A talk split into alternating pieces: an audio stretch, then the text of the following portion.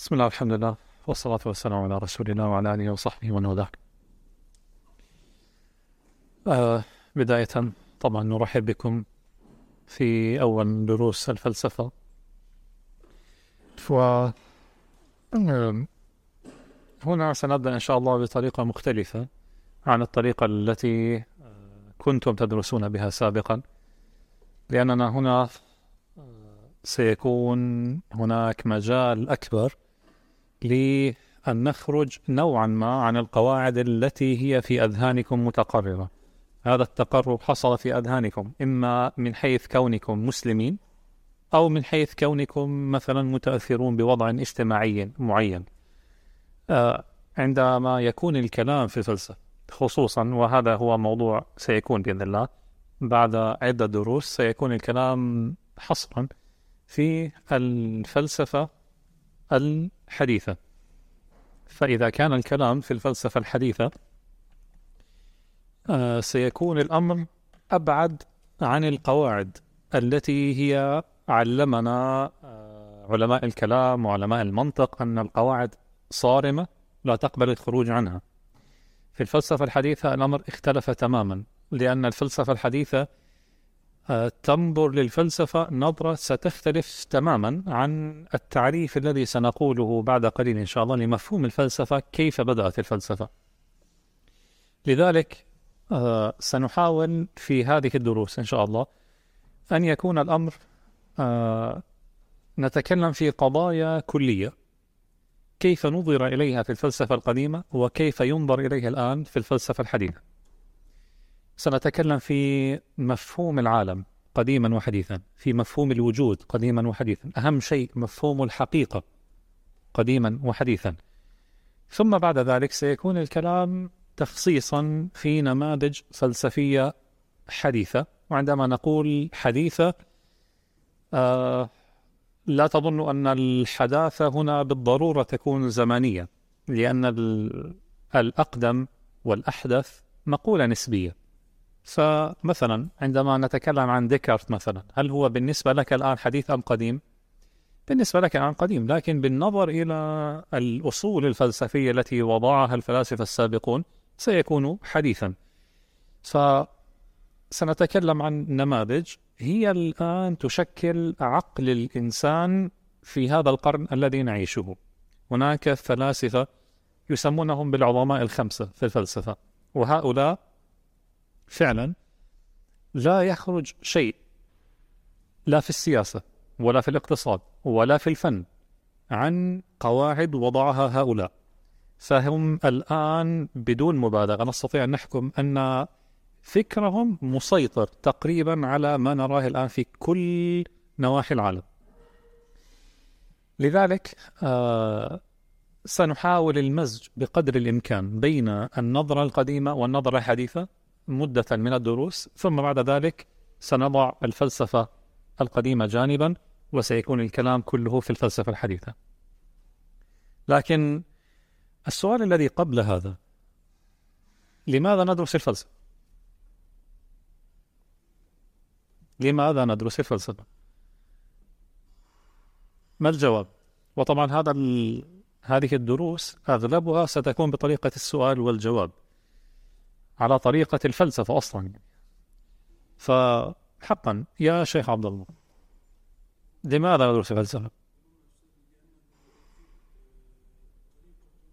كل ما في عدة أمور يعني في عدة مادات في العلوم في حياتنا عن أليس دراستك لعلم الكلام كانت كافية لحصول هذا الأثر؟ ربما يعني زماننا ليس كافيا. طيب. الآن لو سئلنا لماذا ندرس الفلسفة؟ هناك طريقة في الجواب. أنا عادة أحب هذه الطريقة. هي مستفزة للبعض لكن أنا أحبها. السؤال الجواب لماذا لا؟ لماذا لا؟ لماذا مثلا نحن نقول أن العلم القابل للدراسة هو فقط هذا المجال وليس غيره. فهو أحد العلوم التي يمكن أن تتعلم. إذا لماذا لا ندرسها؟ فيكون المرجح الآن لأن العلوم كثيرة. لماذا نحن الآن ندرس مثلا الاقتصاد؟ سيكون المرجح الآن بالنظر إلى الثمرة والغاية. فالثمرة والغاية هي التي ترجح التخصص وهذا إشكال المسلم المعاصر في هذا الزمان على فكرة.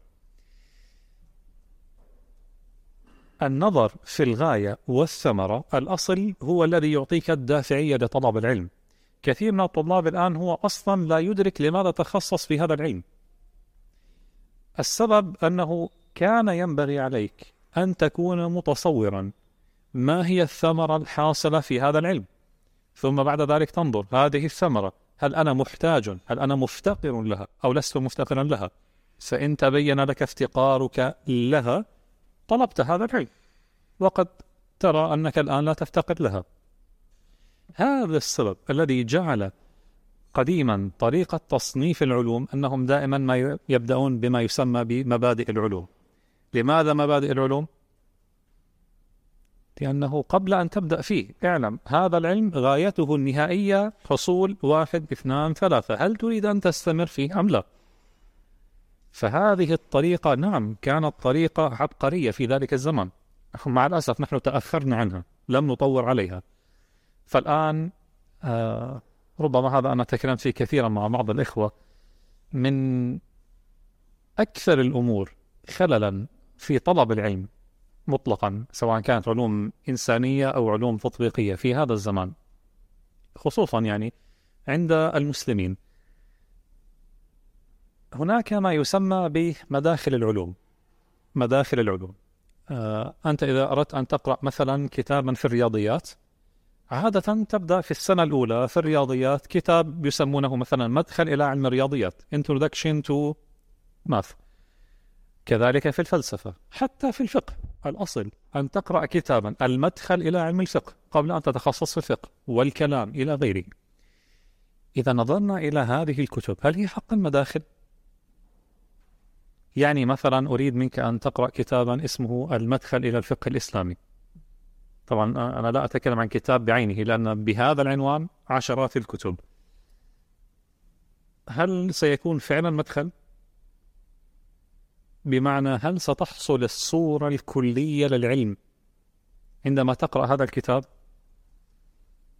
أم في النهاية أنت فقط ستقرأ مسائل لا تعلم إلى الآن ما الرابط بينها الأصل في المدخل أن تعلم الرابط بدون المسائل يعني أن تعلم أنه لن تتعلم أي مسألة في هذا العلم ستخرج عن قواعد كلية محددة يبينها لك المدخل هذا الأمر مع الأسف هو ليس موجودا وهذا الأمر هو الذي يتعلم في الفلسفة في أحد أقسامها الذي يسمى فلسفة العلم.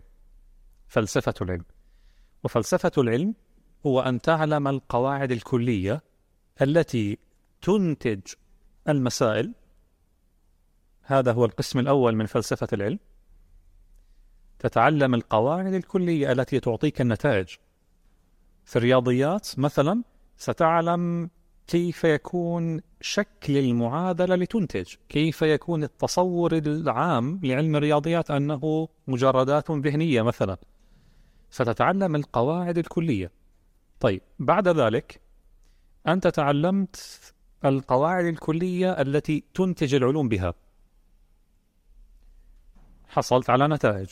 أنت تحتاج أيضا إلى قواعد كلية تعينك على اختبار النتائج التي حصلت عليها. لذلك هذا فرع من الفلسفة فرع عظيم فلسفة العلم. يعطيك الطريقة للوصول للنتائج ثم يعطيك الطريقة لاختبار النتائج التي وصلت لها. هل هي صحيحة أم لا؟ لكن هذا كله تقريبا كلما تقدمت الفلسفة الإنسانية كلما قل الاهتمام بهذه الأنماط من الفلسفة. كلما تقدمت الحداثة وما بعد الحداثة الله أكبر كلما تراجعت الفلسفة بالمعنى الذي كنا نعرفه. من أغرب الأمور حقا وهذا أمر يستدعي التوقف عنده كثيرا كلما تقدمنا في الزمان كلما زاد العالم غموضا بالنسبة لنا. الله أكبر كيس؟ يعني أظن بعد الأذان نكمل إن شاء الله. الله عليه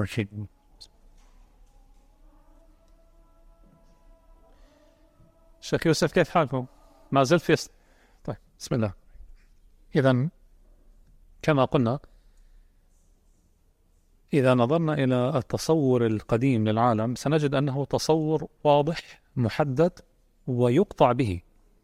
مثلا الأرض كانت في تصورهم مركزا للكون والكون ثابت لا يتمدد. هذا هو التصور الفلسفي القديم. وهذا التصور يعطيك شكل نهائي عن الكون. بل حتى أن الأرض هي الثابتة وأن الشمس والكواكب تدور حولها. هكذا هو كان التصور القديم للكون. كلما تقدمنا في العلم كلما ازداد غموضا تصورنا عن الكون. إلى أن نصل الآن إلى ما قلنا قبل قليل في الدرس مبدأ هايزنبرغ واللا تعيين. فأصبح الأمر أنه يزداد جهلنا بالعالم كلما ازددنا علما. لماذا؟ لسبب سيتضح في دروس لاحقة عندما نرى الفرق بين تصورنا للفلسفة كفلسفة وبين تصورنا للعلوم من حيث كونها علوما تطبيقية علوما تتعلق بالمادة لأن الفلسفة هي مناهج أكثر من كونها نظرا في مواد وهذا جهة كان يعتبر قديما جهة تميز علم الفلسفة وهذا جهة تميز علم الكلام أنه نظر كلي في أحكام كلية صادقة على كثيرين لكن الآن النظر العلمي المعاصر المادي لا يتكلم إلا في قضايا جزئية أحكام جزئية. فيقول لك مثلا الآن في الفيزياء المادة بهذا الظرف تعطيك هذه النتيجة يقيدونها بالزمان والمكان. وحتى بطريقة معينة في حصول التجربة. لذلك حقا كلما ازددنا في العلم ومر الوقت كلما ازددنا جهلا في حقيقة وطبيعة هذا العالم. لذلك إذا أردنا نحن في الأصل أن نفهم ما معنى فلسفة هناك النظرة القديمة للفلسفة. كيف كان يعرفونها قديما الفلاسفة؟ وهذا التعريف سنتوقف عنده بالتحليل كلمة كلمة لنفهم بعد ذلك كيف أصبحت الفلسفة الآن. قديما كيف كانوا يعرفون الفلسفة؟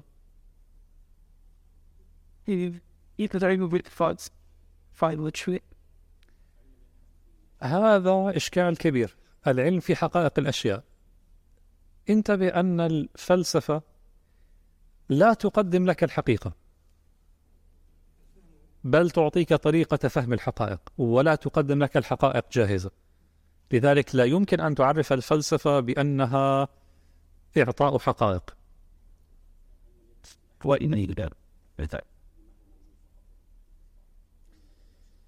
هذا هو التعريف الكلاسيكي للفلسفة. البحث في أحوال الموجودات. انتبهوا أن القيد هو ماذا؟ الموجودات. من حيث كونها موجودات. فقط. البحث في أحوال الموجودات. وهذه الموجودات ما هي؟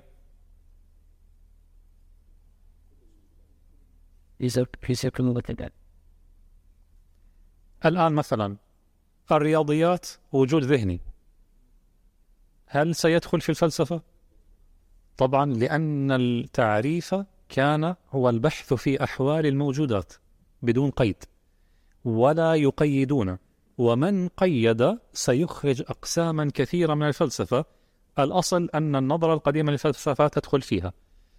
ومن هنا بدأ الإشكال عند بعض المتأخرين نوعا ما من الفلاسفة أنهم قيدوها.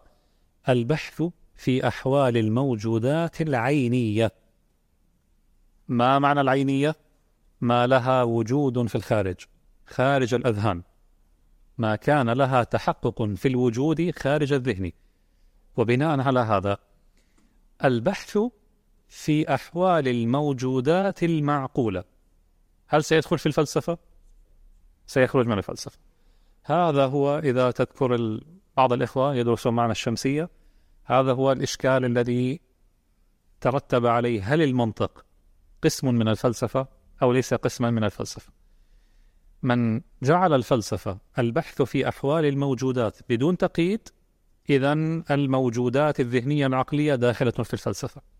وهذا الذي اختاره ابن سينا الواجب الذي كان في درس الشمسية والذي ما كتبه بعضكم. نعم. ابن سينا أكد أن المنطق يجب أن يدخل في الفلسفة. وهذا ذكره في كتاب الشفاء. لذلك هنا أيضا سنفهم مسألة ربما تكلمنا معكم فيها سابقا. الآن سنفهم المعنى المنطقي الذي جعل بعض الفقهاء يحرمون المنطق. ليس أن المنطق يعني آه، يؤدي إلى الكفر. أصلا الطريقة التي حرم بها المنطق طريقة منطقية. المنطق يؤدي إلى الكفر كل ما يؤدي إلى الكفر حرام إذا المنطق حرام. هذا قياس.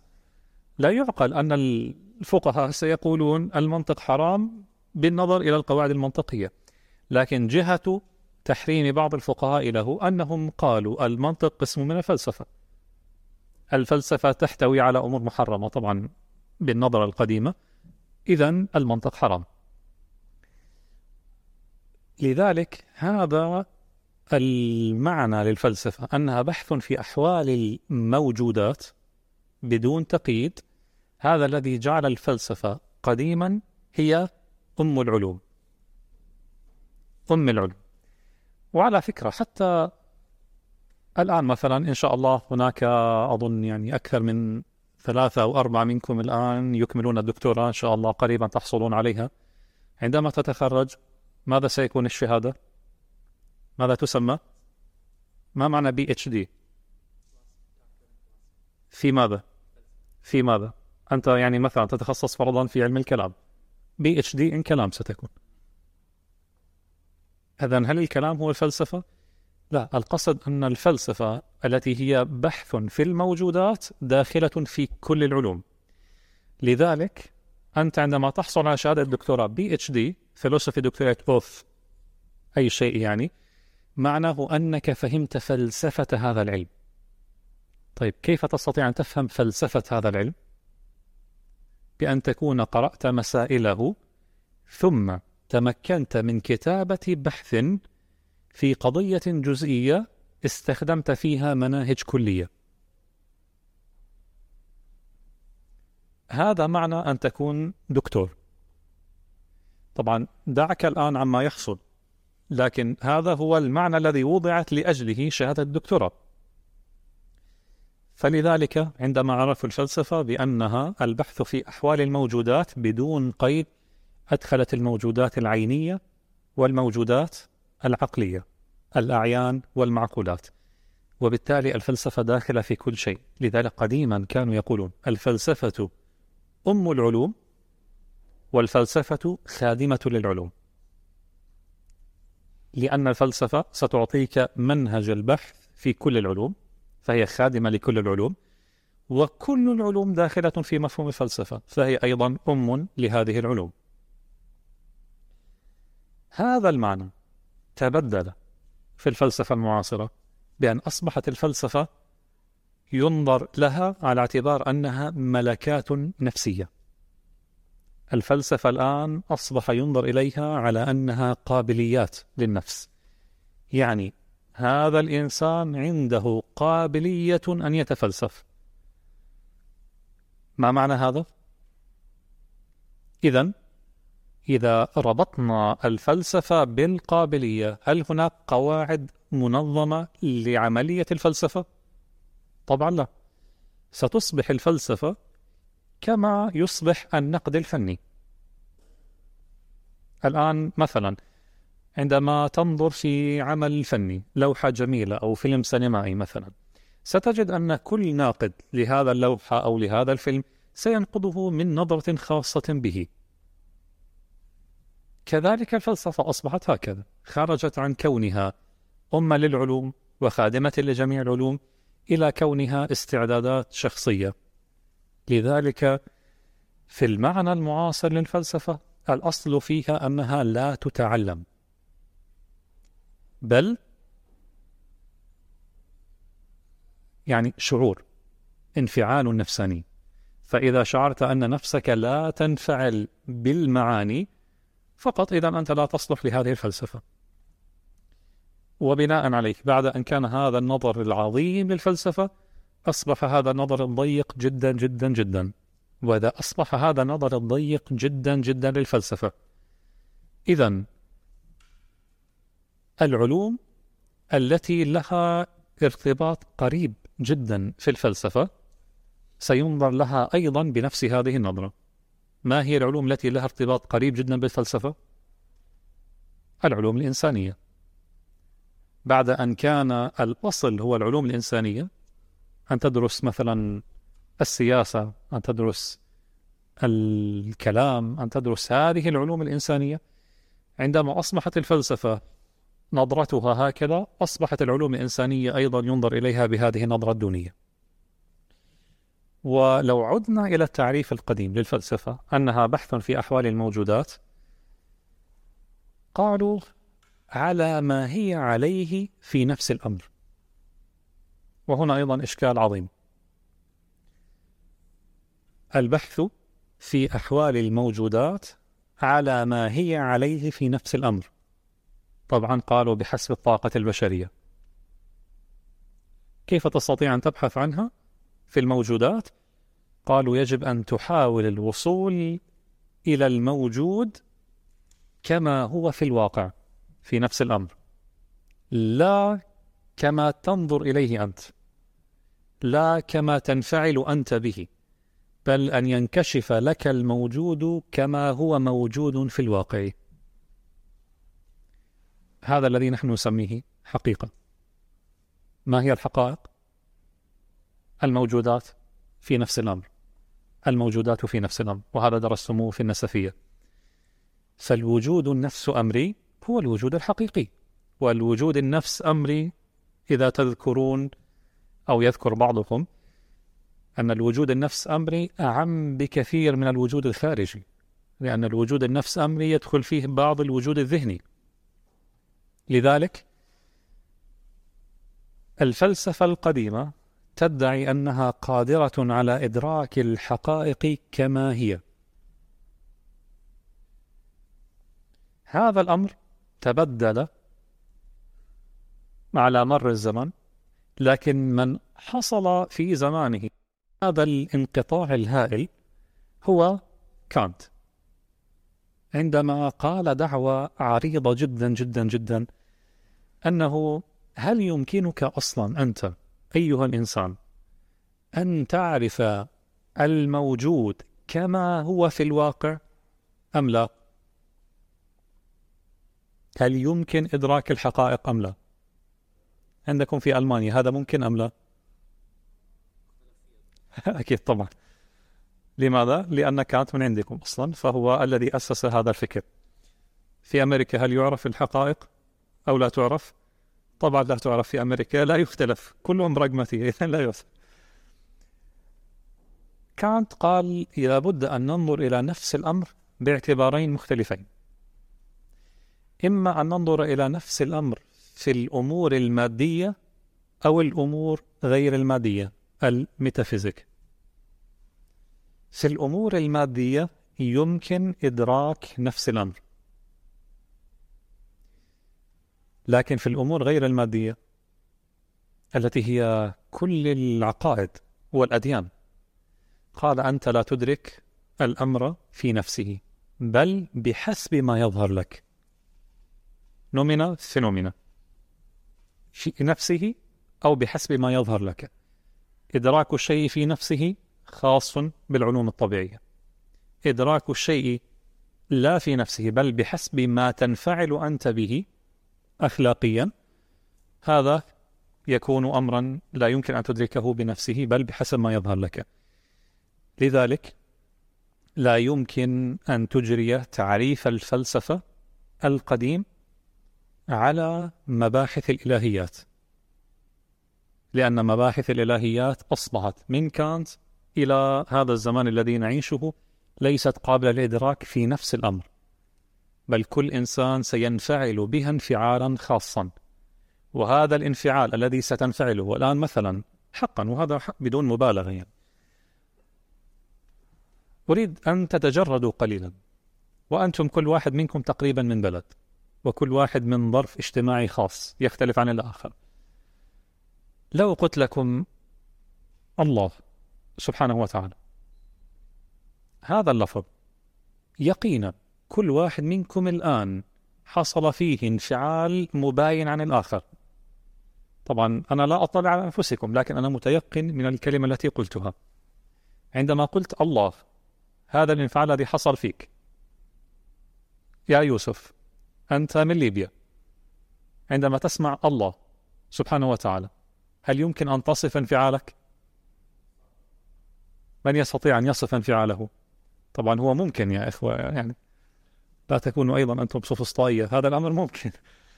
لكن من يستطيع؟ ستجد أنه انفعالك سيتحكم فيه الظرف الوجودي الذي أنت تعيش فيه. الظرف الوجودي من حيث الزمان والمكان والحال الحال المادي والحال النفسي. من كان مثلا مطمئنا ليس كمن كان خائفا. من كان غنيا ليس كمن كان فقيرا. لذلك حتى انفعالك بما تعتقده الحقيقة المطلقة سنجد أنه سيختلف باختلاف الوضع الذي أنت تعيش به. وهذا واضح جدا جدا أن كل واحد منكم سيشعر أن إيمانه بالله سبحانه وتعالى ربما في كل يوم يختلف عن اليوم السابق. ما جهة الاختلاف؟ تبدل الظرف الوجودي الذي تعيش فيه. في بعض الأحيان ستشعر بالقرب من الله وفي بعض الأحيان بعد عن الله ثم في حال القرب قرب من حال من حال الخشية من الله. لكن في بعض الأحيان قرب من حال الرجاء. لذلك هذا الأمر كيف يضبط؟ هل يمكن أن نضبطه؟ لا يضبط. لذلك كما قلنا قبل قليل أصبحت الفلسفة ليست علما يدرس بقواعد منتظمة لأن الفلسفة أصبحت قابلية أصبحت انفعال نفساني خلافا للفلسفة القديمة التي هي نظر في الموجودات العينية والعقلية. إذا قلنا بأن الفلسفة هي النظر في الموجودات عموما هكذا كيف ستنقسم مباحث الفلسفة؟ إذا أولا سيكون موضوع الفلسفة هو الموجود مطلقا هكذا موضوع علم الكلام هو ماذا؟ الموجود من شيء نعم الموجود مقيد من حيث يؤدي إلى العلم بذات الله سبحانه وتعالى أو أن تقول المعلوم من حيث يفضي إلى العلم بذات الله سبحانه وتعالى هذا هو الأمر الذي جعل الفلسفة أوسع بكثير من علم الكلام. علم الكلام نظر محيث نظر له غاية. الفلسفة هي نظر في الوجود من حيث كونه وجودا فقط. لكن علم الكلام نظر في الوجود مقيد بقيد أنه ستبنى عليه عقائد. إذا الفلسفة لو نظرنا فيها من حيث كونها بحثا في الموجودات كيف يمكن؟ هذا هو موضوعها الموجود. كيف ستنقسم الفلسفة بناء على ذلك؟ هنا لابد أن ننظر في هذا الوجود نظرة متأملة قليلا. انظروا في هذا الوجود سواء كان وجودا عينيا أو وجودا عقليا. هل يمكننا إعطاء قسمة عقلية تامة حاصرة للوجود وتكون هذه القسمة العقلية واضحة بقيد الوضوح لأن هذا القيد سيبني عليه ديكارت مفهوم الحقيقة كما سنبين لاحقا لكن الآن هذا السؤال لكم وأنتم يعني كل واحد منكم على الأقل قرأ إلى مغني الطلاب في المنطق وهذا مستوى ممتاز على فكرة. وهذا السبب الذي دعانا الآن إلى قراءة الفلسفة. قبل أن تكونوا قد بلغتم هذا المبلغ من الكلام والفلسفة من الكلام والمنطق لا معنى أن تدرسوا الفلسفة فالآن هل يمكن قسمة الموجودات قسمة حاصرة لا يخرج عنها شيء؟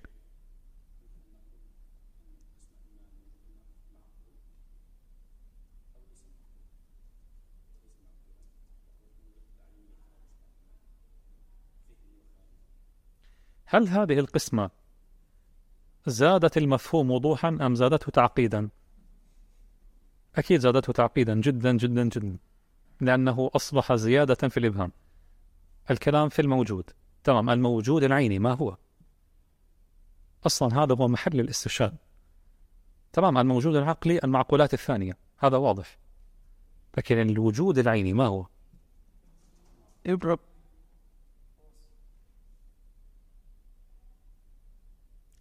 هل الرياضيات تدرك بالحواس؟ ثابت. هل الرياضيات من علم المنطق؟ لا. إذا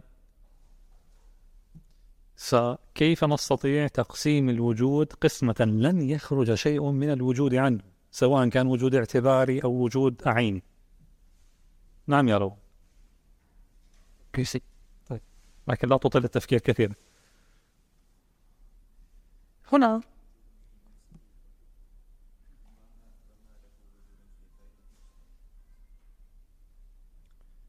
كيف يعني وجود في غيره؟ It's very this case. عدت إلى نفس القسمة إما أن يكون وجود عيني أو وجود اعتباري أو عقلي مثلا لكن هذه القسمة لا توضح نجم الدين عندك جواب؟ يعني الفلاسفة في الفلسفة القديمة نظروا في الموجودات فقالوا يمكن وجود قسمة حقا وهذه القسمة واضحة بقيد الوضوح زاد حاصرة وهي أن هذا الموجود والوجود إما أن يكون لنا إرادة في وجوده أو ليس لنا إرادة في وجوده.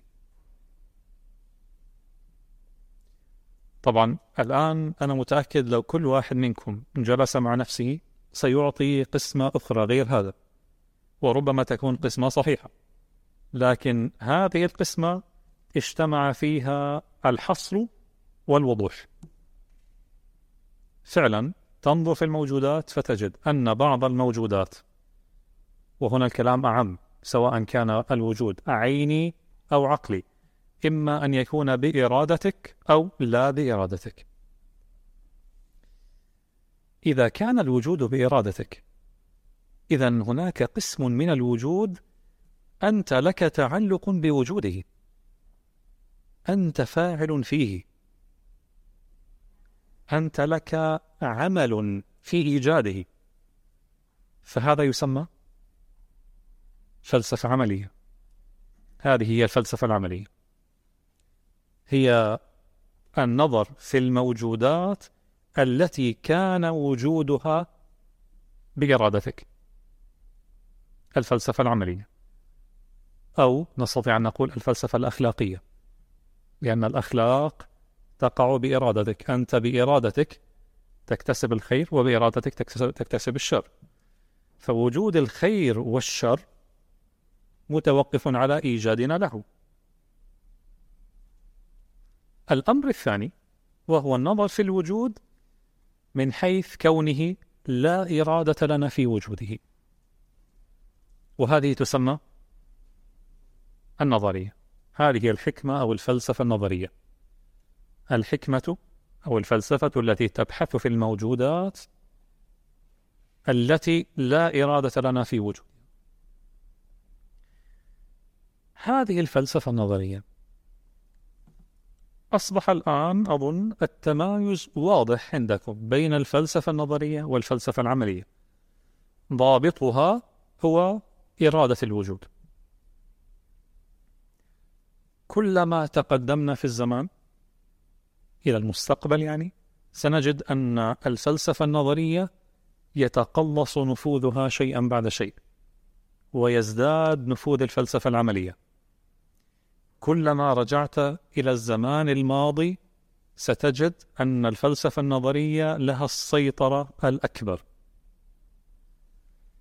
وهذا سيفسر لماذا العقل المعاصر الآن هو عقل يؤمن بنسبية الحقيقة.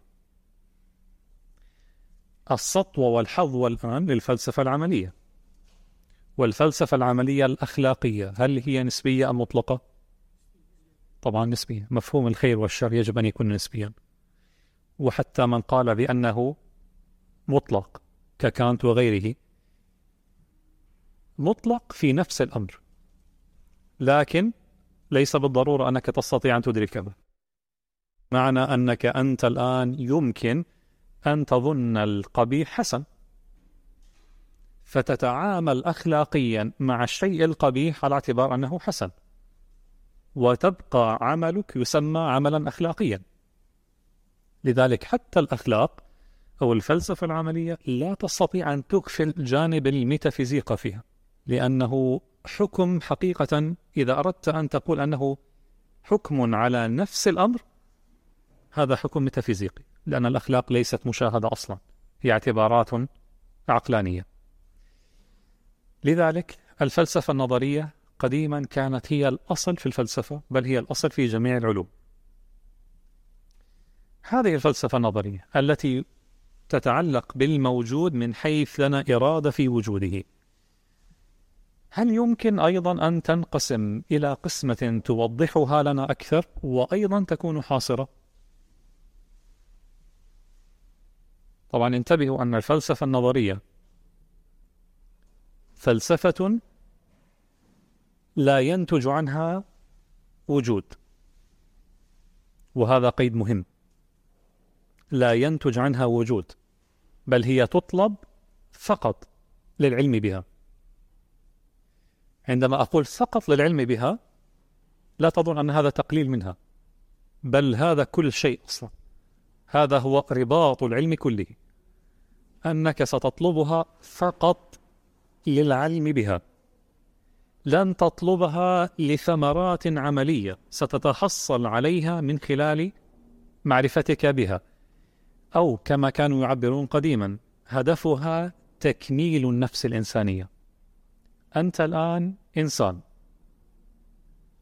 ما الذي ميزك عن سائر الحيوانات؟ الناطقية. هذه الناطقية هي القدرة على التعقل. إذا كلما أدركت الفلسفة النظرية كلما ارتفعت في الناطقية كلما ارتفعت في الإنسانية إلى أن تصل إلى مرتبة تكاد تصبح ملائكيا. إذا كنت من الراسخين في العلم هذا هو المقوم للإنسانية أيها الإخوة العلم النظري وليس العلم الضروري.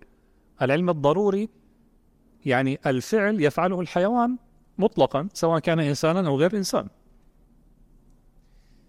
لكن السعي لتكميل النفس الإنسانية التي هي ميزتها عن سائر الحيوانات أنها عاقلة. هذا هو دور الفلسفة النظرية. لذلك كلما قل الاهتمام بالفلسفة النظرية كلما قل الشعور بالإنسانية. لأنه لن تبحث في الأعراض الخاصة للنوع الإنساني. بل سيكثر البحث في العرض العام الذي يشترك فيه سائر أنواع الحيوان. في المنطق درستم بأن العرض الخاص ما هدفه؟ أحسنتم؟ يا إخوة هل نعود إلى درس المنطق أو نستمر في الفلسفة؟ تمييز أفراد النوع. تمييز أفراد النوع. هذا هو هدف الأعراض الخاصة. أنت الآن لن تتميز. مثلا أنت عن فرقان بالطعام والشراب. إذا نبحث عن شيء يقع فيه التمايز. هذا الذي يسمى العرض الخاص. الذي يحصل الآن أن اهتمام سائر البشر يكون عادة بالأعراض العامة. الطعام والشراب والنوم والحركة إلى آخره التي هي مشتركة بين سائر أفراد النوع بين سائر أفراد الجنس الحيواني.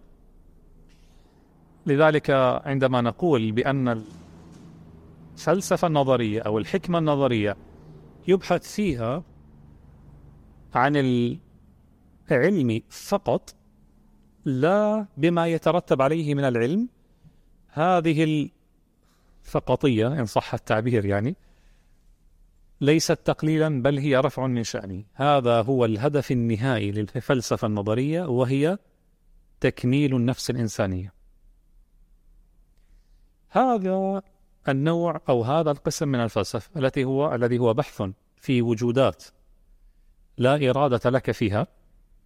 العلماء قالوا هذه الموجودات التي لا إرادة لك فيها وجودات عينية ليست عقلية فقط. لها تحقق في الخارج.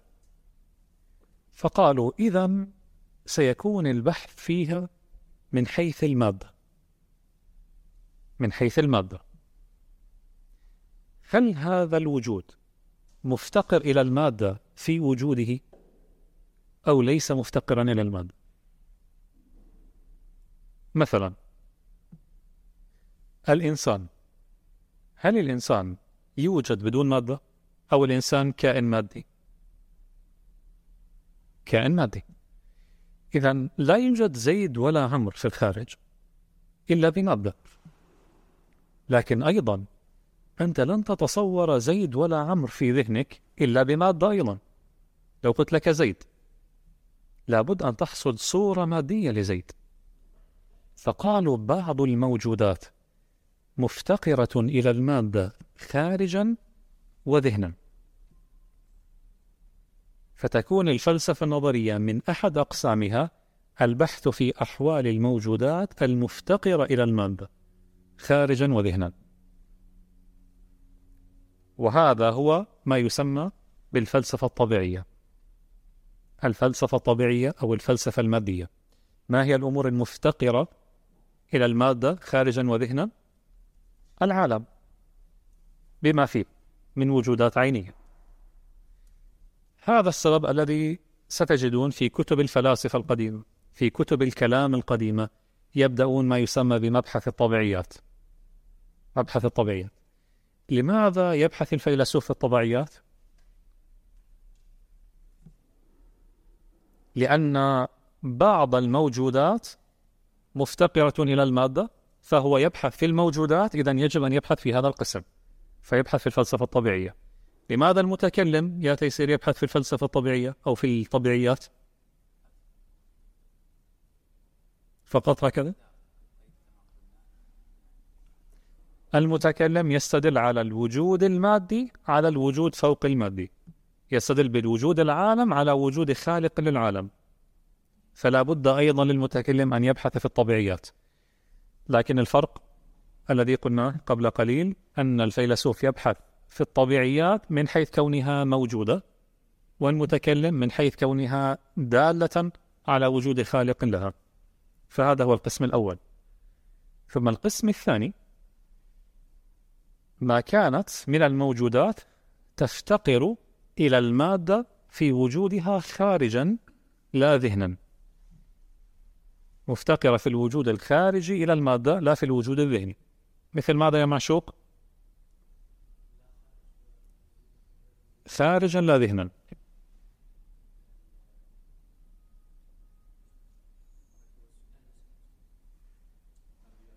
الرياضيات والهندسة. الرياضيات والهندسة. أنت الآن عندما تقول مثلث مربع في ذهنك تتصور مثلث ومربع بدون مادة. ما معنى مربع مثلا؟ أربع زوايا قائمة. هذا تصورته في ذهنك بدون حصول صورة مربع مادية يعني صورة مادية للمربع. لكن هل يمكن أن يوجد مربع مجرد عن المادة في الخارج؟ طبعا لا. لذلك الرياضيات أيضا الواحد مفهوم الواحد تتعقله بدون مادة. الكأس الواحد الموجود في الخارج يكون ماديا. فالقسم الثاني إذن من الفلسفة النظرية هو البحث في الموجودات التي تفتقر إلى المادة خارجا لا ذهنا. هذه الرياضيات والهندسة. تمام؟ والقسم الثالث والأخير والأهم الذي لا يفتقر إلى المادة لا ذهنا لا ذهنا ولا خارجا.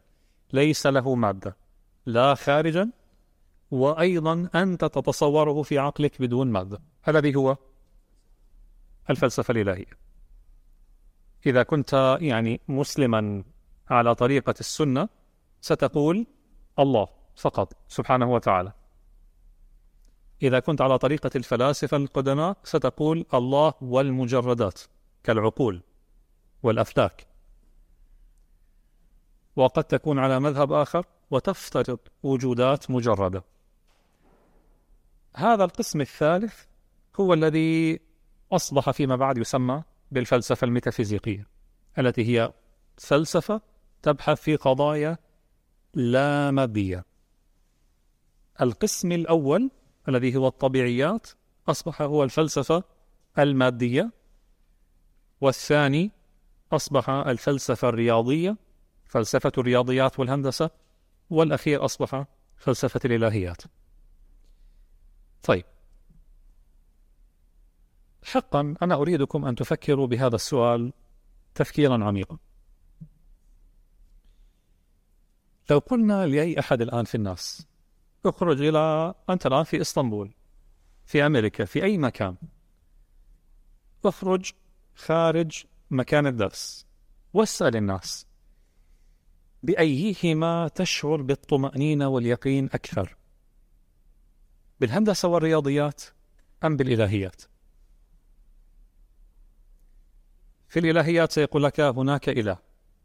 في الرياضيات سيقول لك المثلث مجموع زواياه 180 حقا يعني الآن كما قلنا هناك حرية في السؤال والجواب. لا تخافوا يعني. من كان قبل قليل في الدرس عندما سألنا سؤال قال أستغفر الله. أنت أنا لا هنا يعني لا مشكلة. ف فعلا عندما أقول لكم المثلث 180 الله موجود.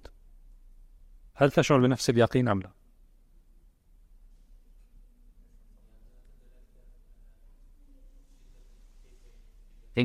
دوي عفن ما سمعت.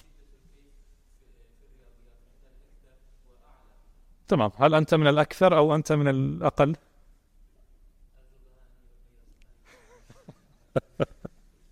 ما شاء الله هذا ليس جوابا. هذا دعاء. نريد خبر وليس إنشاء. لا حول. هذا ليس درس تصوف تمام؟ نعم هو يهرب واضح وهذا الهروب أنت تستشعر منه الجواب الموجود في ذهنه صحيح؟ طيب يعني آه، المقولة المشهورة لرسل بحثت عن اليقين فوجدته في الرياضيات سئل هل أنت على يقين من وجود الله؟ قال بحثت عن اليقين فوجدته في الرياضيات لماذا؟ أو هل حقا أصلا الرياضيات فعلا فيها درجة اليقين أعلى من الإلهيات؟ هذا سؤال خطير وهذا السؤال بمجرد الآن هذا التردد الذي حصل في أذهان بعضكم بدون تعيين طبعا من هذا البعض هذا هو السبب الذي نرى في هذا الزمان شباب يتجهون للإلحاد. طبعا شباب على سبيل التغليب وإلا نعم حتى بعض كبار العمر الآن يتجهون للإلحاد. لكن فعلا الأصل أنك تدرس أن الإيمان يفترض منك التصديق الجازم المطابق للواقع الذي هو يقين. ثم تنظر حقا هل الإلهيات عندما أؤمن بها يحصل هذا الكيف النفساني كيف اليقين؟ أم أنا أصدق بوجود الله لأنه لم يثبت لي خلاف ذلك. فقط. لأني نظرت في حجج الملحدين فوجدتها ضعيفة. هذا دافع كثير من الناس الإيمان على فكرة. بعض الناس يقول نظرت في أحوال الملحدين فوجدت أخلاقهم سيئة. إذا الإلحاد يأتي بأخلاق سيئة. إذا الإلحاد ليس جيدا. لماذا؟ أنت نعتبر أن الشيء أن تبادل النسبية عن النظر يقين أصلا كان. إن مسبب باليقين وسفهر. قطعا لا. نعم. إذا أنت بالنسبة لك النسبية في جانب الرياضيات أم في جانب الإلهيات؟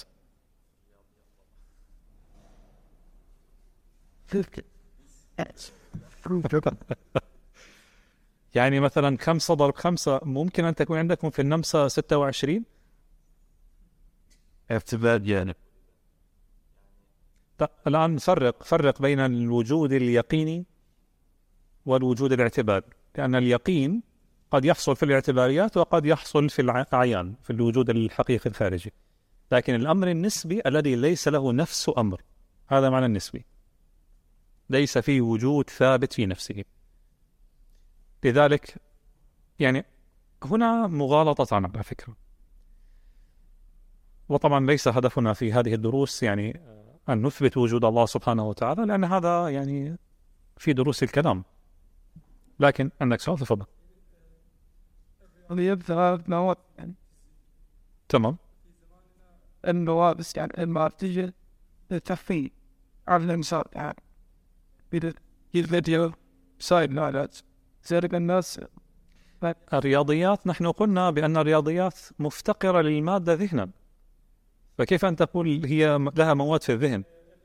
تحتاج إلى التفكير والرياضيات تحتاج إلى التفكير المجرد نعم.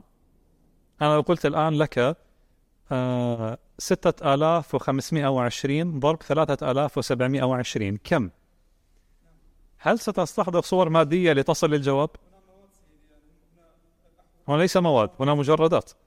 لا يوجد مواد هنا مجردات. بالعكس إذا أردت أن تستحضر مواد تحتاج إلى كم الرقم كان الأول؟ سبعة آلاف و ثانية والرقم الثاني ثلاثة آلاف وثانية إذا يعني سينتهي اليوم وأنت ما وصلت نتيجة طيب هنا حقا يوجد مغالطتان. المغالطة الأولى هل حقا كل مباحث الرياضيات فيها يقين. لماذا أنت متأكد؟ نعم. يعني هل أنت بحثت رياضيات نعم. سعيد صارت إيش إذا هل في الرياضيات المعاصرة metaphysic؟ طبعا. قال بدأوا بي نعم. عندما كان عاقلا قبل أن يجن الآن حقا هناك في الرياضيات مباحث يقول لك علم الرياضيات آمن بها ولا تطلب لها دليل لأنه ليس عليها دليل. وهناك مصادر كثيرة. يعني الآن كل واحد منكم يستطيع أن يأتي بأكثر من ثلاثة أو أربع مصادر أجعل هذا واجبا؟ تمام هذا واجب. هناك في الرياضيات أيضا جانب ميتافيزيقي من قال مثلا أن الباي يجب أن تكون 3.14 نعم. هل هذا عليه البرهان الرياضي؟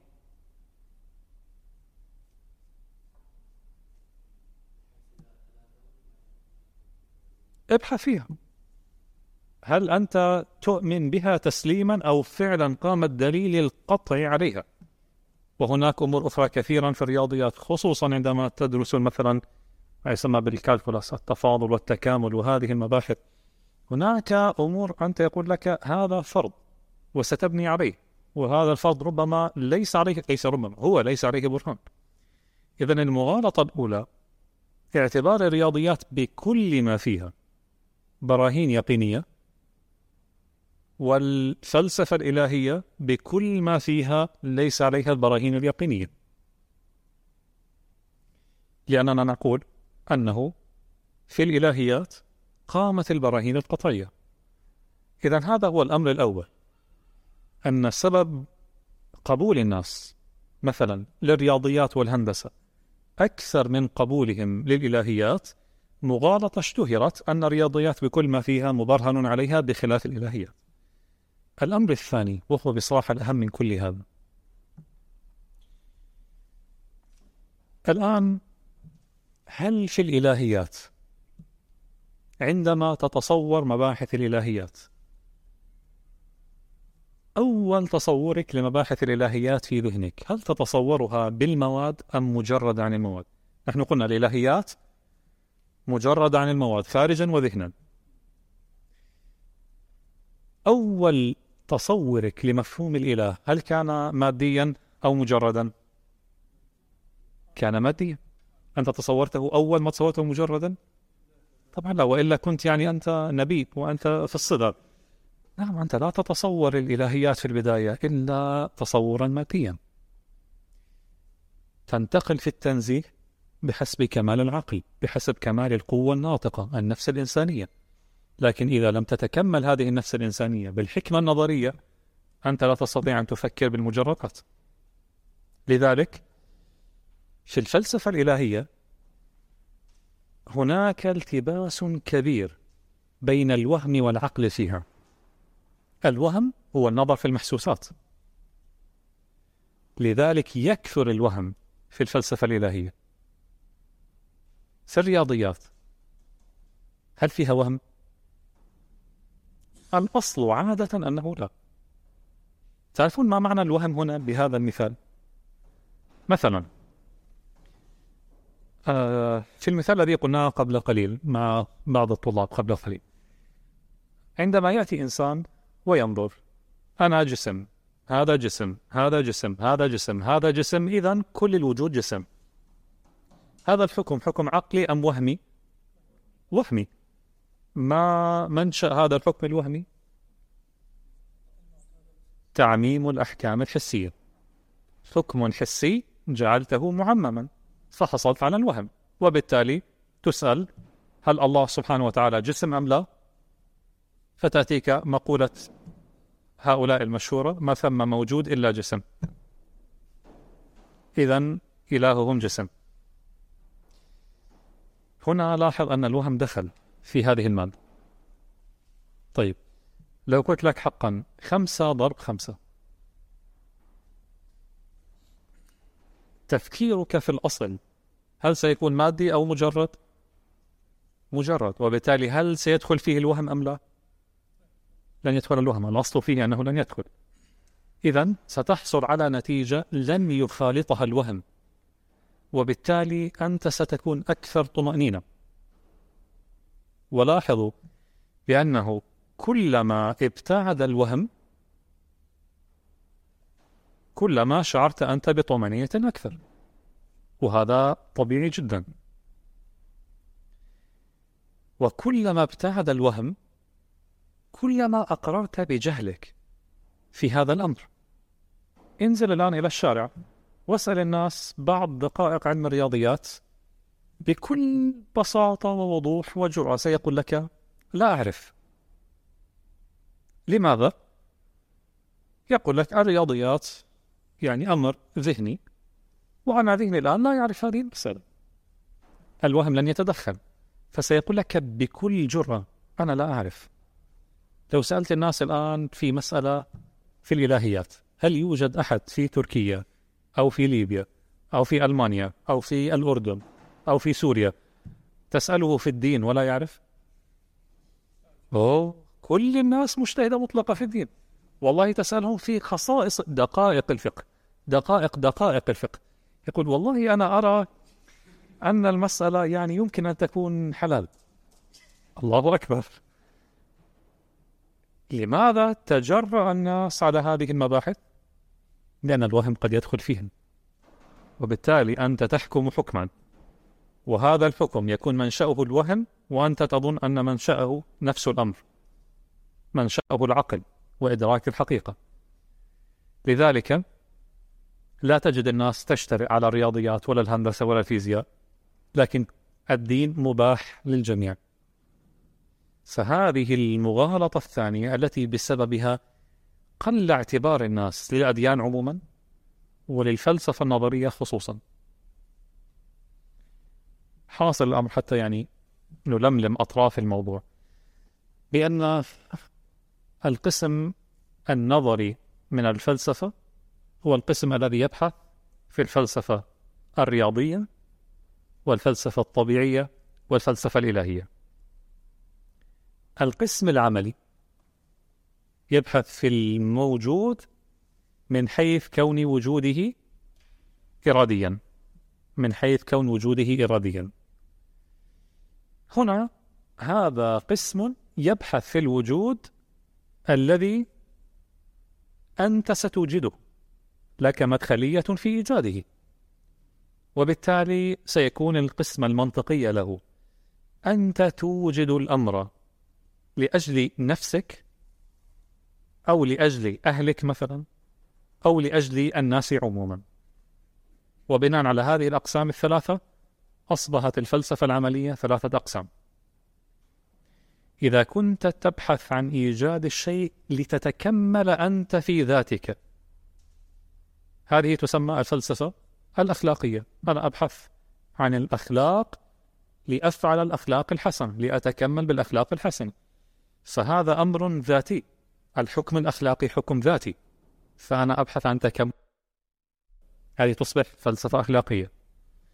إذا كنت تبحث عن العمل المترتب على كوني فردا في عائلة يسمى تدبير المنزل علم تدبير المنزل الذي تقوم عليه أغلب نظريات علم الاقتصاد المعاصرة علم تدبير المنزل. و العلم الذي يبحث في الوجود الذي أوجده حيث كوني فردا في أمة يسمى علم السياسة. إذا السياسة والاقتصاد والأخلاق كلها منشأها كانت علوم فلسفية هذا هو الأصل فيها. ولذلك إلى الآن ما زالت تدرس في أقسام الكليات الإنسانية التي تبحث في العلوم الإنسانية. هذا هو النظر إلى الفلسفة قديما بتعريفها العام وأقسامها. في الفلسفة المعاصرة أصبحت نظرتهم تختلف نوعا ما. كيف؟ أصبحوا يقولون أقسام الفلسفة لاحظوا الفلسفة المعاصرة هل لها موضوع أم لا؟ قلنا الفلسفة القديمة موضوعها الموجود الفلسفة المعاصرة ما موضوعها؟ لا موضوع لها ليس لها موضوع وبالتالي يقولون في الفلسفة المعاصرة التي أصلا ليس لها موضوع طبعا هذا الذي أقوله الآن ليس لها موضوع أنا أتكلم عن النسخة النهائية من الفلسفة المتمثلة في الحداثة وما بعد الحداثة وإلا حتى نصل إلى هذه المرتبة من النسخة الفلسفية المعاصرة نحن مررنا بمراحل كثيرة. وهذا الأمر الذي ينبغي أن ننتبه له كمسلمين. يعني. أن الوصول لهذه النسخة الفلسفية كان عن طريق المرور بعدة نسخ حتى وصلنا إلى هذا النسق الفلسفي. ما يفعل الآن في بلادنا الإسلامية؟ نحن ما مررنا أبدا بهذه الأطوار. يريدون إقحام فلسفة ما بعد الحداثة إقحاما في حياتنا مع أن وصول الغرب إلى ما بعد الحداثة وصول طبيعي. لكن نحن إذا وصلنا إلى ما بعد الحداثة سيكون انفصاما في شخصيتنا. لا يمكن تطبيق ما بعد الحداثة وإن كنت ملحدا في دولنا.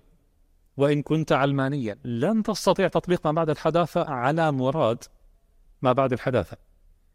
لن تطبق إلا نسخة مشوهة من فلسفة ما بعد الحداثة. لذلك أنا الآن عندما أقول فلسفة قديمة وفلسفة حديثة نحن كما قلنا في أول الكلام كلامنا اليوم عن الفلسفة القديمة والفلسفة بصورتها النهائية. لاحقا سيكون الكلام في المرتبة بينهما. كيف وصلنا إلى النسخة الفلسفية النهائية التي نحن الآن عليها؟ في الفلسفة المعاصرة أصبحوا يقسمون الفلسفة إلى فلسفة الطبيعيات التي هي كما قلنا تبحث في الماديات الفيزياء علم الأحياء مثلا هذه العلوم. وهناك ما يسمى بالفلسفة الإلهية. أصبحت يعني. كانوا يطلقون عليها الفلسفة الطبيعية. الطبيعية هنا آه، عفوا الفلسفة العامة. العامة أصبح لها مصطلح خاص هو الفلسفة الميتافيزيقية ميتافيزيكس. وأخيرا الفلسفة الأخلاقية. إذا بعد أن كان الفلسفة قديما لها ستة أقسام الآن اختصرت في ثلاثة أقسام. إما أن تبحث في الطبيعيات أو في الميتافيزيقيات أو أن تبحث في الأخلاقيات. هذا هو باختصار التقسيم المعاصر للفلسفة.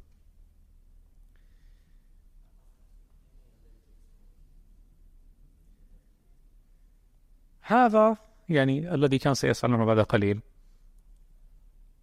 أصبح أيضا هناك قسمة أخرى غير هذه القسمة التي قلناها أنهم ينظرون لا إلى الوجود من حيث كونه ماديا أو غير ماديا إلى العلم إلى الشيء القابل لأن يعلم. فأصبحوا يقولون هذا الشيء القابل أن يعلم. إما أن تدرك قواعده الكلية فتسمى فلسفة العلم أو أن تدرك تفاصيله بقيد كونها لا يمكن البرهن عليها فتسمى metaphysic. أو أن تدرسها من حيث كونها قضايا نفسانية فتسمى أخلاقية فلسفة أخلاقية. في التقسيم الثالث سيصبح فلسفة العلم ابستمولوجي هذه تصبح أحد الأقسام الرئيسية في علم الفلسفة. لذلك حتى فلسفة العلم هل هي معتبرة أو ليست معتبرة؟ هل التقسيم الأول أم الثاني هو المعتبر؟ هذا أصلا فيه خلاف الآن بين الخائضين في هذه الفلسفات. لكن حتى وإن اعتبرت فلسفة العلم قسما مستقلا أو لم تعتبره كل علم من العلوم لابد أن يكون له قواعد كلية. في فلسفة العلم سيقول لك ما هي القواعد الكلية التي تشترك فيها كل العلوم. فيكون ابستمولوجي لكل العلوم. وهذا طبعا أيضا فيه جانب أيديولوجي فإذا كنت أنا لا أؤمن إلا بالوجود المادي سأعطيك فلسفة علم لا تعترف إلا بالمادة. إن كنت أؤمن بوجود مادي وغير مادي أعطيك منهج عام. وهكذا. وهكذا يعني تظهر شيئا بعد شيء فلسفات وستظهر أيضا فلسفات معاصرة لأنه كما قلنا في أول الكلام كلما قل اعتبار الفلسفة النظرية كلما تركنا مجالا أكبر للنسبية لأن الفلسفة العملية الأصل فيها أنها نسبية. وكلما أعطينا اعتبارا للنسبية النسبية لن تنتهي لأن النسبية هي بحسب عدد الموجودات. على الأقل الموجودات القابلة للاعتبار. فيكون باعتبار كل واحد حقيقة فتكون الحقائق بحسب عدد المعتبرين لها وهي لا تنتهي. يقولون في نفس الأمر. قبل طيب عادة الناس لا تسأل لا نفس أمر إذا أثبت نفس أمر انتهت المسألة. لكن هو محل النزاع الآن. هل هناك نفس أمر أم لا؟ أمامك عدة طرق للجواب على هذا السؤال. هل هناك نفس أمر أم لا؟ إذا كنت مؤمنا بأي دين مطلقا يجب أن تقول أن هناك نفس أمر وإلا كيف تستطيع أن تقول أن الإله حق؟ وهنا منشأ الإشكال في بعض المسلمين الذين ينكرون نفس الأمر. أظن هذا تكلمنا فيه. أنا ذكرت في كتاب النسبية عن طه عبد الرحمن يقول الأديان ليس فيها نفس أمر. إذا لماذا أنت تؤمن بالدين الإسلامي؟ يقول لأنه أفضل الأديان. لاحظ هذا كلام خطير. أفضل الأديان الموجودة فأنا أؤمن به. يقول تمام هذه الأفضلية هل هي ثابتة؟ أم بالنسبة لك؟ يقول طبعا بالنسبة لي. وأيضا يجب أن تؤمن بأن النصرانية هي الأفضل بالنسبة لغيرك. إذا حتى مفهوم الدين الحق المتعالي عن النسبية هذا لم يعد موجودا. فهذا سيوقعك في تناقض هائل أن تؤمن بأحقية الدين ثم بنسبيته. هذه قمة التناقض. على العكس أنا يعني أحترم جدا الإنسان الذي يقول لي بصراحة الأديان كلها واحد بالنسبة لي. هذا إنسان متسق مع فكره. لكن أن يأتيك إنسان ويقول الأديان كلها نسبية في الأفضلية ثم بعد ذلك أنا أختار دين أعتقد أني سأدخل الجنة فيه الإشكال المنطقي سيكون من قال لك أن هناك جنة أصلا؟ كيف ستثبت أن الجنة نسبية. على مذهبك الجنة والنار نسبية. فإما أن تقول بأن هناك نفس أمر وبالتالي هناك إله حق ودين حق أو أن تقول لا يوجد هناك نفس أمر وكل شيء نسبي. وبهذه الصورة يجب أن تكون ملحدا. نعم. هذه العندية السوفسطائية والحل الثالث أن تأخذ وسطا. هذا الذي فعله كانت. أن تقول هناك نفس أمر فيما يمكن البرهن عليه. وليس هناك نفس أمر فيما لا يمكن البرهن عليه. ما هو الذي يمكن البرهن عليه؟ ما كان ماديا. وبالتالي نفس الأمر سقط في الأمور المادية. الأمور فوق المادية ليس فيها نفس أمر بل فيها كما قال الشيء في نفسه أو بحسب ما يظهر لك أنت تدركه بحسب ما يظهر لك بالظاهر. والله أعلم. وهذه القسمة تبين لك حال الناس من الأديان. بعض الناس وصل إلى مرتبة أن يقول الموجود في نفس الأمر هو إله. من هو هذا الإله؟ الأديان نسبية. فهمتم الفرق؟ هل هناك نفس أمر؟ نعم نفس الأمر أن هناك إله حق. تمام هذا الإله الحق الذي يقدمه لك دين الإسلامي أم اليهودي أم المسيحي؟ يقول لك الأديان من حيث كونها أنظمة في العبادات ليس فيها نفس أمر كلها نسمي إذا أمامك طريقان إما أن تقول كلها حق أو كلها باطل لكن الإله حق هل فهمتم الفرق بين الصورتين؟ واضح يا رواد أو لم يتضح؟ إذا أثبت إله وتقول الأديان عبارة عن خرافات يخترعها البشر أو يعني المقولة المشهورة لويليام جيمس حيل اجتماعية يقول الأديان حيل اجتماعية فقط البشر لا يستطيعون أن يعيشوا في مجتمعات بدون وضع أنظمة. وهذه الأنظمة لا يمكن تطبيقها إلا إذا آمنت بفكرة ثواب وعقاب أخروي. فتوضع الأديان وتوضع الأحكام في هذه الأديان. لكن في الأصل الدين من وضع البشر. لكن الحقيقة أن هناك إله. هؤلاء الآن يسمون أنفسهم الربوبيون. يعني لهم لا. لا لا لا. أن تقول أؤمن بوجود الإله لكن لا أؤمن بالأديان.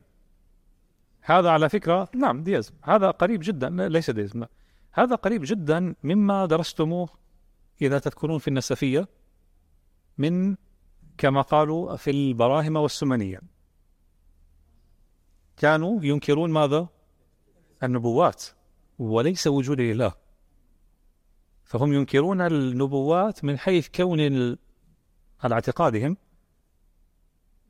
وجود إنسان يدعي أنه يتلقى المعارف من إله هذه الفكرة غير معقولة. فأنكروا وجود الأنبياء. لكن هل شككوا في وجود الإله؟ هم آمنوا بأن الكون يقينا له سبب. لكن هذا السبب النبوات لا تقدم لنا سبب واضح وجيه بل أصلا تعطينا أمور متناقضة. فهذه الطرق أدت إلى اختلاف أديان الناس بين متدين بدين معين آمن بحق ونفس أمر وهذا الحق ونفس الأمر جزم بأنه دينه وبين إنسان آمن بإله ولكن قال لي حرية اختيار الدين وهذا متسق جدا مع فكرة وحدة الوجود على فكرة. وهذا السبب الذي يدعو بعض الصوفية المعاصرين أن يقولون لا إشكال أن نقول أن اليهودي والنصراني يدخل الجنة. هذه الفكرة الغريبة جدا التي الآن يعني تقول تمام قد تظهر من إنسان مثلا متفلسف بفلسفة معينة لكن كيف تظهر من صوفي؟ الأصل أنه يريد يعني الوصول إلى الإله الحق. يقول نعم الإله الحق هو الوجود الحق والأديان هي عبارة عن صور اعتبارية لا حقيقة لها في الخارج. وبالتالي يعني كما قال يعني الصوفي المشهور لن نقول اسمه طبعا حتى لا يغضب بعضكم. ما هذا الكلام؟ لن أقول اسمه حتى أنت تحديدا ستغضب لن أقول اسمه. يقول لقد صار قلبي قابلا لكل صورة. لقد صار قلبي قابلا لكل صورة. هنا الكلام كان في سياق الأديان. لقد صار قلبي الآن يبحث في جوجل من قائل هذه العبارة. فما معنى قابل لكل صورة؟ هو قال فمرعا لرهبان آه، فمرعا لأوثان أو دين لرهبان. لا مشكلة عندي. سواء كان الدين يهودي نصراني لا دين. في النهاية أنا آمنت بالإله. والدين تجربة شخصية بينك وبين هذا الإله الذي أنت تريده. والتجربة الشخصية نسبية أم نفس أمر؟ نسبية. تفضل. فلسفة العمليات القدماء هي نسبية أيضا نعم هي نسبية. أنا لا أفهم كيف هي نسبية وهم كانوا يعني هدفهم تكملة الشخص الذات. لكي يرتقوا. إذا الأمر نسبي فما هذه العملية تفقيد النفس؟ كيف يحصل؟ لأن كل إنسان يرقي غير ما يرقيه الإنسان الآخر. وبالتالي أصلا حتى هذه هي الفلسفة الصوفية. أنت الآن يعني إذا كان هناك شيخ طريق كان يعامل مريديه على نفس الطريق. هذا يناسبه هذه الطريقة وهذا يناسبه هذه الطريقة. ونفس الأمر. لذلك مثلا أفلاطون عندما ألف الجمهورية عندما وصل إلى القسم المتعلق برئيس الجمهورية. وقلنا أن السياسة فلسفة عملية. من هو الذي يستطيع أن يرأس الجمهورية؟ ما شروطه؟ قال لا, لا يمكن إلا أن يكون فيلسوفا لأنه لا يستطيع أن يأتيك إنسان عادي ليس فيلسوفا ثم أقول له افعل واحد اثنان ثلاثة يصلح حال البلد. لا لأنه لا يوجد واحد اثنان ثلاثة. بل لابد أن يكون هو بذاته فيلسوف قادر أن يتفلسف يعني يسقط الأحكام بحسب الظروف الراهنة وهذا يكون فيلسوف طبعا سيكي بالنسبة أنه ده يعني لا حقيقة للأمر يعني لا يوجد شيء اسمه خير يعني بنفسه هكذا لاحظ نحن قلنا في الفلسفة العملية لماذا هي عملية؟ الوجود مرتبط بالإرادة إذا قبل العمل هل هناك نفس أمر؟ لا. ففي الفلسفة العملية لا نفس أمر. أنت منشئ لنفس الأمر. خلاف الفلسفة النظرية أنت كاشف عن نفس الأمر. لا منشئ. هذا يؤدي إلى مثلا يعني بعد لعله الشيء يكون خير عند واحد الشر عند الآخر بالظاهر الآن ما في مشكلة؟ الله أعلم. نحتاج أن ننظر في الجزئيات. لكن هل هذا يؤدي إلى نسبية الخير والشر؟ طبعا يؤدي إلى نسبية الخير والشر. وهذه هي نظرة أصلا المتكلمين إلى الخير والشر. الخير والشر نسبي. مفهوم الخير المطلق محال عادة يعني ومفهوم الشر المطلق محال عادة لأن الخير والشر من مقولة الإضافة والإضافة لا تفهم إلا بالمضاف. فأنا الآن لا أفهم الخير إلا مع تصوري لمفهوم الشر. وهذا الأمر يستدعي نسبية عظيمة. مفهوم الخير والشر هل ينتزع من الواقع أو هو عقلي مجرد؟ إشكال الرئيس للمعتزلة أنهم ادعوا أنه عقلي مجرد فقالوا بالحسن والقبح الذاتيين.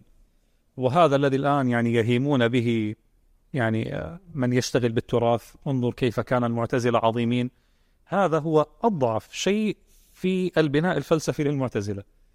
ادعوا أن الخير والشر ثابتان في نفس الأمر.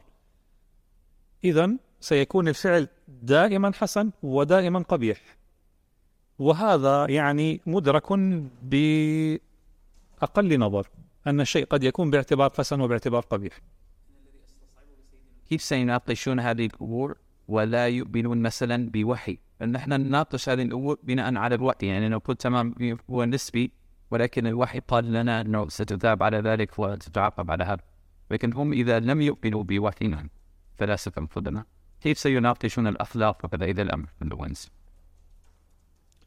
لماذا لا يؤمنون بالوحي؟ هم يؤمنون بالوحي يعني في اليونان كان هناك يعني آلهة وكانوا يعبدونها من كان ينكر الآلهة من اليونان لم يكن يشتغل بالفلسفة الأخلاقية السوفسطائية هل لهم فلسفة أخلاقية؟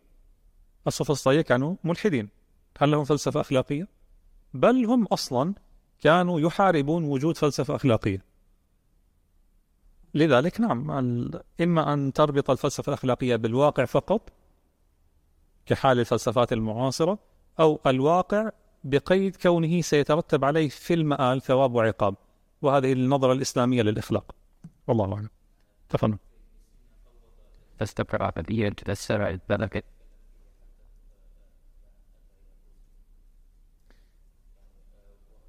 نعم ليس فقط ابن سينا. من آمن بال... بوجود الإله والوحي والنبوات فهذا يعني لا يقول أن الأخلاق منفصلة عن الدين. يجب أن يكون الأخلاق لها ارتباط بالدين.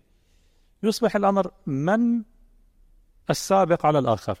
هل الدين جاء مؤيدا لأخلاق ثابتة كما قال المعتزلة؟ أو الدين جاء فأنشأ الأخلاق كما يقول مثلا أهل السنة؟ والله أعلم. طيب نحن نكتفي بهذا القدر إن شاء الله. والدرس القادم بإذن الله آه، يعني هذه كانت عبارة عن مقدمات. حتى يعني نتصور نحن سنتكلم في معنى. الدرس القادم بإذن الله سنتكلم في آه، مفهوم الوجود خصوصا للعالم بين الفلسفة القديمة والفلسفة المعاصرة. وصلى الله على سيدنا محمد وعلى آله وصحبه أجمعين.